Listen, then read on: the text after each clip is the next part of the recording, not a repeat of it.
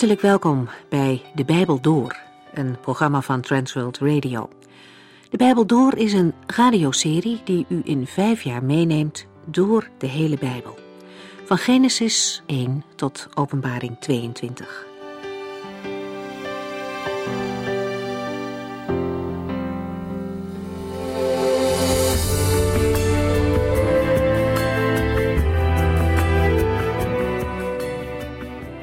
Vandaag Genesis 18, te beginnen met vers 9. Had ik maar nooit. Als ik dat niet gedaan had, dan. Ik denk dat de meesten van u, net als ik, deze zinnetjes wel af kunnen maken. Als je nou net die ene keer een andere keuze had gemaakt, dan had het er nu niet zo beroerd voor gestaan, of anders, of beter. Helaas, gedane zaken nemen geen keer. Al heb je ergens nog zo'n spijt van, met de gevolgen van je daden moet je toch verder. Dat gold ook voor Abraham. Hij had een zoon gekregen bij een andere vrouw. Een keuze die hij nooit meer ongedaan kon maken. Ismaël was geboren en Abraham hield van hem.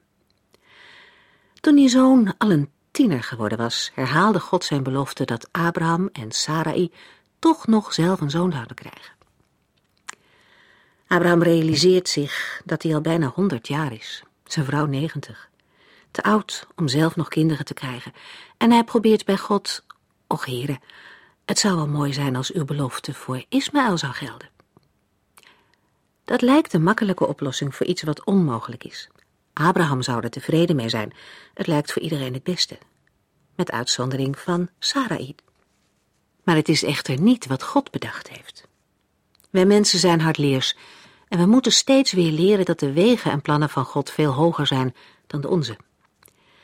De Heere overziet alle dingen en wij maar een klein stukje.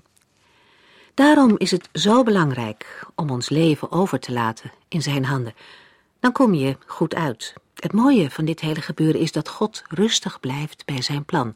Wat hij gezegd heeft, zal hij doen. Daar verandert de misstap van Abraham niets aan. Voor Ismaël heeft God ook een zegen. Maar hij moet de tenten van Abraham wel verlaten. Waarschijnlijk heeft Abraham hem nooit teruggezien. Dat moet een groot verdriet in zijn leven zijn geweest. Nadat God met Abraham heeft gesproken, roept Abraham alle mannen, ook Ismaël. En hij doet meteen wat God heeft gezegd. Hij besnijdt hen. Het is een teken van het verbond dat God met Abraham heeft gesloten. Niet een middel om lid van dat verbond te worden, want het verbond was al gesloten.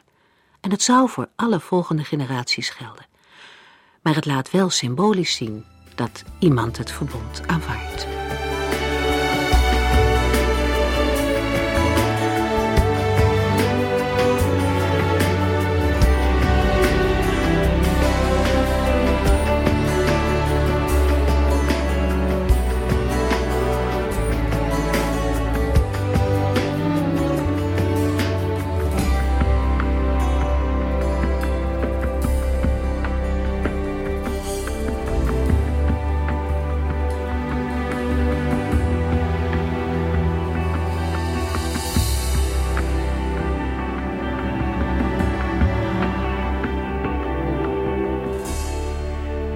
Weet u het nog? Uit de vorige uitzending. Abraham kreeg bezoek. Het begin van Genesis 18 vertelt: De Heere verscheen opnieuw aan Abraham, die op dat moment bij het eikenbos van Mamre woonde. Op het heets van de dag zat Abraham in de opening van zijn tent en zag plotseling drie mannen aankomen. Hij kwam snel overeind en begroette hen. Mijn heer, zei hij, onderbreek uw reis hier even. Kijk eens, u kunt daar in de schaduw van die boom even uitrusten. Ik zal dan water halen om uw voeten op te frissen en u wat eten geven, zodat u er weer tegen kunt. Opnieuw verschijnt de Heer aan Abraham, dit keer in een menselijke gedaante. In het begin heeft Abraham dat nog niet geweten. Abraham stond naast hen onder de boom terwijl ze aten. Dan volgt Genesis 18, vers 9. Waar is uw vrouw Sarah? vroegen de mannen hem. In de tent, antwoordde Abraham. De vraag naar de vrouw van de gastheer is uiterst ongewoon. Het is opvallend dat de voor Abraham nog onbekende gast de naam van zijn vrouw kent. Hier begint de zelfopenbaring van God al. De vraag is daartoe een inleiding. Daarnaast wordt door het stellen van de vraag al aangegeven dat de mededeling ook voor Sarah van belang is.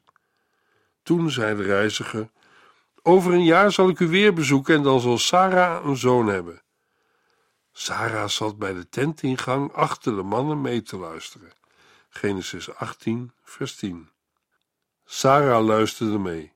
Zowel Abraham als Sarah ontdekken nu dat ze bijzondere gasten op bezoek hebben. Genesis 18, vers 11 en 12. Abraham en Sarah waren allebei erg oud. En Sarah was te oud om nog kinderen te kunnen krijgen. Daarom lachte ze in zichzelf om die woorden. Een vrouw van mijn leeftijd die nog een kind krijgt? En dat met een man die zo oud is als Abraham, dacht ze. Sarah vraagt bij zichzelf: Is het mogelijk dat ik nog een zoon zal hebben? En ze lacht. Wat is dat voor een soort lach? Ik denk dat het een lach is dat wil uitdrukken: het is te mooi om waar te zijn. Meer niet. God is bij bepaalde gelegenheden zo goed voor ons dat we alleen maar kunnen lachen. Sarah lacht en denkt: Dit kan mij toch niet overkomen? Maar de Heere zei tegen Abraham: Waarom lacht Sarah? En gelooft zij niet dat een vrouw van haar leeftijd nog een kind kan krijgen? Voor mij is niets onmogelijk. Over een jaar zal ik terugkomen en dan zal Sarah een zoon hebben. Maar Sarah ontkende het. Ik heb helemaal niet gelachen, zei ze, want ze was bang. Maar de Heere zei: U hebt wel gelachen. Genesis 18, vers 13 tot en met 15. Sarah wordt bang. Blijkbaar kan de vreemdeling haar gedachten lezen zonder dat hij haar ziet. Ze antwoordt ontwijkend, maar ze kan de waarheid niet ontlopen. God antwoordt op de tegenspraak met herhaling en bevestiging. Een bestraffing blijft achterwege.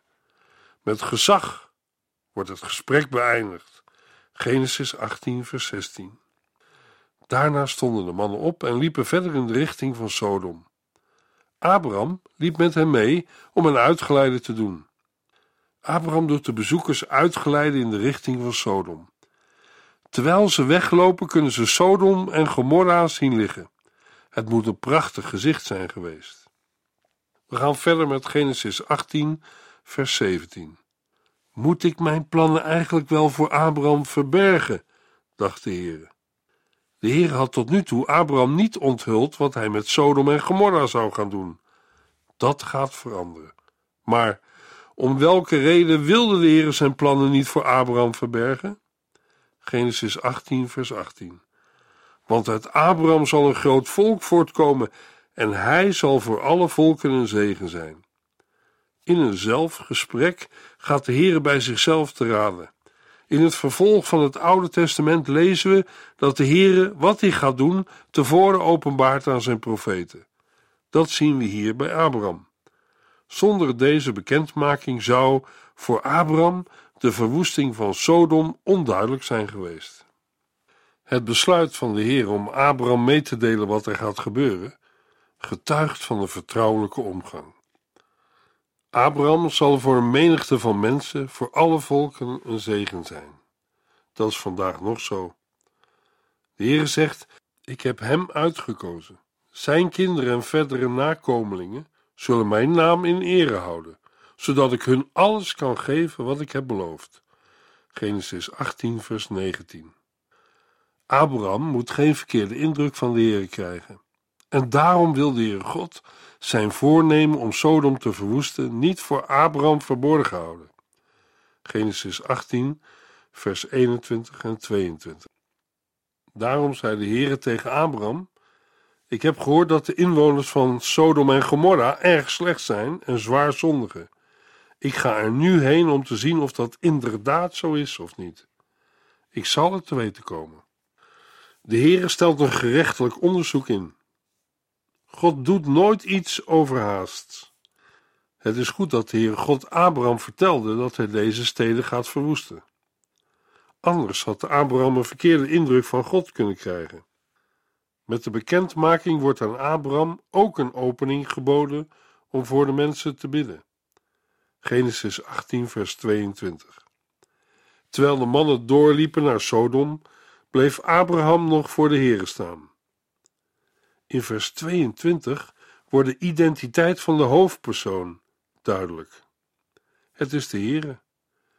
De andere twee gaan naar Sodom en blijken later engelen te zijn. Abraham komt dichterbij voor een persoonlijk, vertrouwelijk en dringend verzoek. En wat is zijn verzoek? Dat de rechtvaardige niet met de goddeloze zal omkomen. Abraham kwam nog dichterbij en vroeg: Gaat u de goede tegelijk met de slechte doden? Genesis 18, vers 23. Wat komt het eerste bij Abraham op? Het eerste waar Abraham aan denkt is Lot. Hij had Lot al eerder gered, maar nu is Lot alweer in gevaar. Ik denk dat Abraham vele malen zijn vragen heeft gehad over Lot en zijn verhouding met God. Toch geloofde Abraham dat Lot een rechtvaardig mens was. Dat wordt bevestigd in het Nieuwe Testament, in 2 Petrus 2, vers 7 en 8. Abraham vraagt God: Gaat u de goede tegelijk met de slechte doden? Maar waren er nog wel goede in Sodom? Genesis 18, vers 24. Stel nu dat er vijftig rechtvaardige mensen onder de inwoners zijn. Moet u dan de rest niet sparen ter wille van die vijftig? Zes keer spreekt Abraham een verzoek uit. Steeds verder daalt hij in aantal, van vijftig naar tien. Zou u de stad verwoesten als er vijftig rechtvaardigen zijn? Genesis 18, vers 25. Dat kunt u toch niet doen? U kunt ze toch niet over één kam scheren? De rechter van de wereld is toch een rechtvaardige rechter? Ook vandaag is dit laatste nog steeds een vraag die veel mensen stellen. Is God, de rechter van de wereld, wel echt een rechtvaardige rechter? Misschien is het antwoord nog wel belangrijker dan de vraag. Heel de Bijbel getuigt van het feit dat God, de rechter van hemel en aarde, altijd recht doet. Wat God doet is heilig en goed. Als een mens daar anders over denkt, ligt dat niet aan God. Het is mogelijk dat wij zijn handelen niet begrijpen, maar dat wil nog niet zeggen dat zijn handelen daarmee verkeerd is. Eerder is ons denken verkeerd en zijn wij niet op de hoogte van alle feiten, maar God wel. Wij kennen niet alle details, maar God wel. De Heer antwoordde: Als ik vijftig rechtvaardige mensen vind, zal ik te willen van hen de hele stad sparen. Genesis 18, vers 26. En Abraham denkt erover na. Genesis 18, vers 27 en 28. Abraham nam opnieuw het woord. Ik heb nu mijn mond open gedaan, dus ik zal ook doorpraten.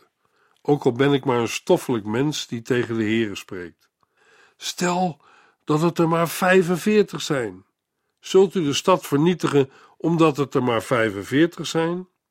Zult u de stad vernietigen omdat het er vijf minder zijn? Ik zal de stad niet vernietigen als het er 45 zijn, zei de Heer. God zegt weer: Ik zal de stad niet vernietigen. Het antwoord maakt Abraham een beetje dapperder en hij vraagt aan de Heer: En als het er maar 40 zijn? Het opmerkelijke is dat God weer zegt: Ik zal de stad niet vernietigen. Abraham gaat door met het aantal te verlagen. En als het er maar dertig zijn, en weer zegt God: Ik zal niets vernietigen als het er dertig zijn. Stel dat er maar twintig zijn, en hetzelfde antwoord volgt. Abraham is er helemaal ondersteboven van en neemt nog een stap. Maar heren, wat doet u als er tien zijn? Zou u de stad vernietigen als er tien rechtvaardigen zijn? En God zegt: Ik zal de stad niet verwoesten als ik tien rechtvaardigen vind. Genesis 18, vers 33.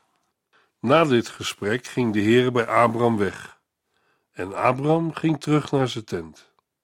Ik heb me wel eens afgevraagd waarom Abraham niet lager is gegaan dan tien. Was hij bang dat dan mogelijk Lot ook verloren zou gaan?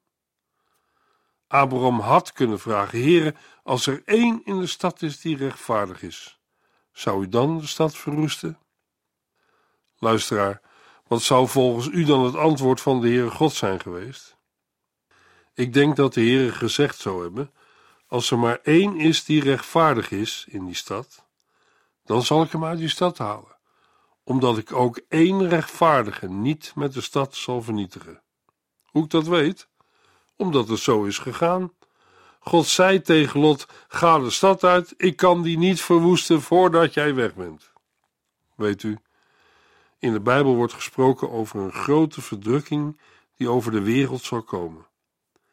In 2 Thessalonicense 2 vers 7 staat dat de verdrukking pas kan komen als hij die dit nog verhindert weg is. Dominee McGee legt hierbij uit dat die hij de gemeente, de kerk van Christus is. Deze grote verdrukking kan niet komen omdat Christus ons oordeel droeg en de grote verdrukking deel is van het oordeel dat komt. En daarom kan de kerk, de gemeente, er niet door. Dominee McKee ziet in de geschiedenis van de verwoesting van Sodom en Gomorra een beeld van 2 Thessalonicense 2 vers 7. We zullen zien dat Sodom en Gomorra een beeld zijn van de wereld. Wat is dat voor een beeld? In wat voor toestand is de wereld vandaag? Vaak lijkt het heel erg op Sodom en Gomorra. Wil dat zeggen dat de Heer Jezus morgen terugkomt? Nou, dat weet ik niet.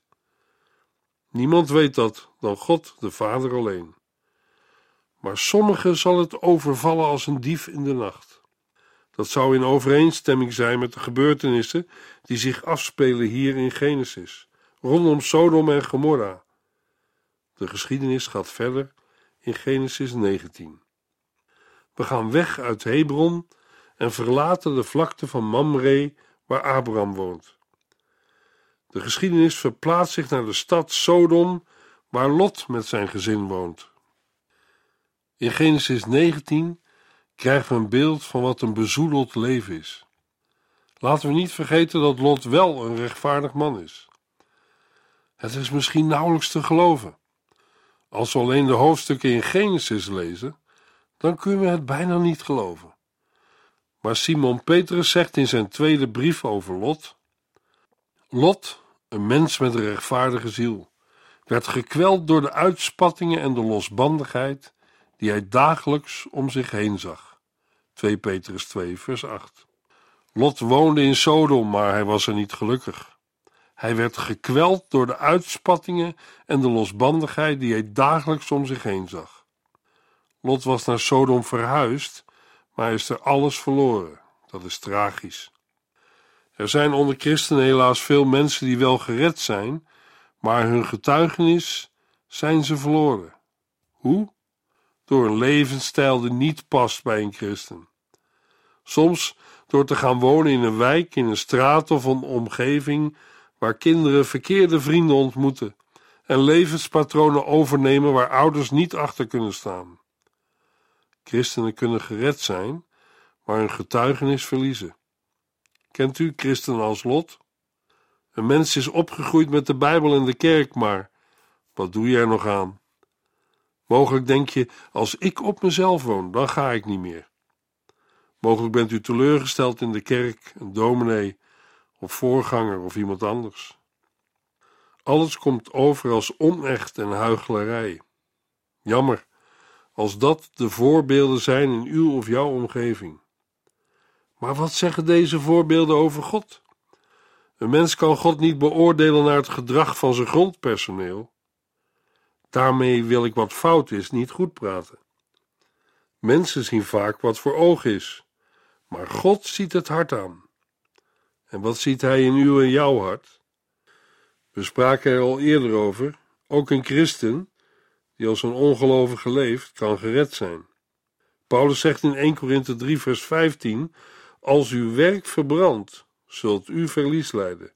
U zult zelf gered worden, maar dan wel door het vuur heen. Arme Lot, wat tragisch. In Genesis 19 zien we een van de dieptepunten van de mens, die gevallen is in zonde en dood. Genesis 19, vers 1. Die avond kwamen de twee engelen bij de stadspoort van Sodom aan. Daar zat Lot. Hij zag hen, stond op en boog voor hen neer. De twee engelen uit de geschiedenis van Abraham bezoeken Lot in Sodom. Ze komen om het oordeel aan te kondigen. En Lot zit in de poort van Sodom. In de poort van de stad zaten de rechters. Daar werd recht gesproken en politiek bedreven. Lot verhuisde niet alleen naar Sodom, maar hij begaf zich daar ook in het openbare leven. Hij zit als rechter in de poort.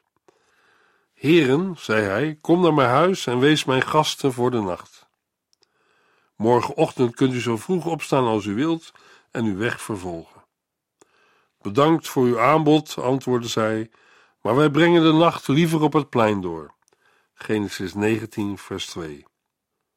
De beide mannen moeten vuile voeten hebben gehad. Hun voeten zouden gewassen moeten worden. Zeker als je vanaf de vlakte van Mamre naar Sodom bent gelopen. Lot was een gastvrij man. Toen de vreemdelingen aankwamen, nodigde hij ze uit en ze kwamen bij hem. Eerst waren ze nog aarzelend. Bedankt voor uw aanbod. Ze wilden de nacht liever op het plein doorbrengen. Met andere woorden, ze zeiden: We zullen buiten blijven, we willen voor u geen last zijn. Dat zeiden ze natuurlijk met een bedoeling. Lot drong echter zo aan dat ze tenslotte met hem meegingen. Hij bood hun een maaltijd aan, compleet met ongezuurde broden. Genesis 19, vers 3. Het aandringen maakt het moreel moeilijk om te weigeren. Al is de avondmaaltijd lichter dan het middagmaal dat ze bij Abraham hadden gebruikt. Het is aannemelijk dat ze ook voedsel bij zich hadden, omdat de mannen zeiden: Wij brengen de nacht liever op het plein door. Met andere woorden, wij slapen wel buiten. Maar dan zegt Lot tegen hen: Dat kunt u in Sodom niet doen, dat is veel te gevaarlijk. Als u dat zou doen, is uw leven geen cent meer waard. Hoeveel steden zouden er in de wereld zijn waar je precies hetzelfde van kunt zeggen? En in ons land? Hoeveel steden in ons land zijn net zo onveilig als Sodom? In het algemeen moeten we concluderen dat het s'nachts op straat minder veilig is dan overdag. Al kun je daar vandaag aan de dag ook nog wel vraagtekens bij zetten. Regelmatig horen we van steekpartijen, berovingen en overvallen. Veel mensen die alleen wonen doen s'avonds de deur niet meer open. Als wij het nachtleven in Sodom vergelijken met vandaag, dan zijn er natuurlijk wel verschillen, maar ook veel overeenkomsten. Zoals het was in de dagen van Sodom en Gomorra, zo kan het vandaag nog zijn. En Lot zegt: Op straat blijven en op het plein slapen zou voor u niet veilig zijn. Toen Lot zo bij hen aandrong, kwamen ze naar binnen. Genesis 19, vers 4 en 5. Na het eten, toen iedereen zich klaarmaakte voor de nacht, omsingelden de mannen van Sodom, oud en jong, het huis en schreeuwden naar Lot: Laat je gasten eens naar buiten komen, we willen gemeenschap met hen hebben. Het zal je maar gebeuren. Een verschrikkelijke gebeurtenis die de ontaarding van Sodom onthult. Wij hebben er in onze woordenboeken nog steeds een woord staan dat herinnert aan deze geschiedenis: sodomie, een term die wordt gebruikt voor verboden seksuele contacten. Kennelijk werd er in de stad Sodom geen poging gedaan om mensen tegen de perverse praktijken van de inwoners te beschermen. De hele geschiedenis maakt duidelijk hoe God over de praktijken in Sodom denkt. De Heer had tot Abraham gezegd: Ik heb gehoord dat de inwoners van Sodom en Gomorra erg slecht zijn en zwaar zondigen. Sodomie is een afschuwelijke zonde. Toen Lot naar de stad Sodom verhuisde, heeft hij zich niet gerealiseerd wat voor stad het was. Toen hij er woonde, merkte hij wat er allemaal gebeurde in het nachtleven van Sodom. Allerlei uitspattingen waren aan de orde van de dag. In die omgeving bracht Lot zijn kinderen groot. In het begin had hij zijn tent in de omgeving van Sodom neergezet. Als hij dan in de stad kwam, zag hij de prachtige straten en gebouwen, de boulevards en de parken, een lust voor het oog. Natuurlijk had Lot ook de mensen gezien, zoals ze zich voordeden. Maar Lot had toen niet gezien hoe ze werkelijk waren. En nu? De zonde van deze stad en de steden eromheen is zo groot dat God de inwoners gaat oordelen. De genadetijd is voorbij. God gaat de stad verwoesten. Laten we hier een scherpe lijn trekken. Tegenwoordig lijkt er een nieuwe houding te ontstaan ten opzichte van zaken die God zonde noemt. Er lijkt een grijs gebied te zijn waar zonde niet meer zo zwart en fout is als vroeger. Er worden compromissen gesloten en opgeroepen om tolerant te zijn. Het moet kunnen, wordt te pas en te onpas gebruikt. Maar de geschiedenis van Sodom en Gomorra heeft niet alleen in het verleden plaatsgevonden, maar is ook een les voor vandaag. Welke mens heeft het recht om dat wat God fout noemt te veranderen in goed? Dan is de mens zelf een God geworden en komt in opstand tegen de schepper van hemel en aarde. De val van Satan heeft laten zien waar zulk een hoogmoed terechtkomt. Tegenwoordig lijkt de gedachte post te vatten dat je een kind van God kunt zijn en tegelijk in de zonde kan blijven leven. Maar God zegt dat het onmogelijk is. Dat kan niet. Paulus stelt in Romeinen 6 de vraag: zullen we doorgaan met zondigen om daardoor meer genade van God te krijgen? En het antwoord is: geen sprake van, of God verhoede het. Romeinen 6, vers 1 en 2. De gedachte dat je een christen kunt zijn en gewoon kunt doorgaan met je oude leventje is een enorme dwaling. Voordat God de zonde ongestraft liet, heeft hij ze op zijn zoon gelegd. Jezus Christus is een verzoening voor al onze zonden. God ziet zondigen niet als een klein foutje waarop je alleen een keer sorry zegt. Wij moeten daar niet te licht over denken. Er komt een moment, dan is er geen redding meer mogelijk en zet God er persoonlijk een punt achter. Zeker, de Heer Jezus ontving zondaars en ging om met hoeren en tollenaars. Maar daardoor veranderde hun leven totaal. Als u het aanbod van Gods genade aanvaardt en de Heer Jezus Christus aanneemt als uw persoonlijke heiland en verlosser, dan zult u een andere mens worden. Dat is vandaag nog net zo actueel als 2000 jaar geleden.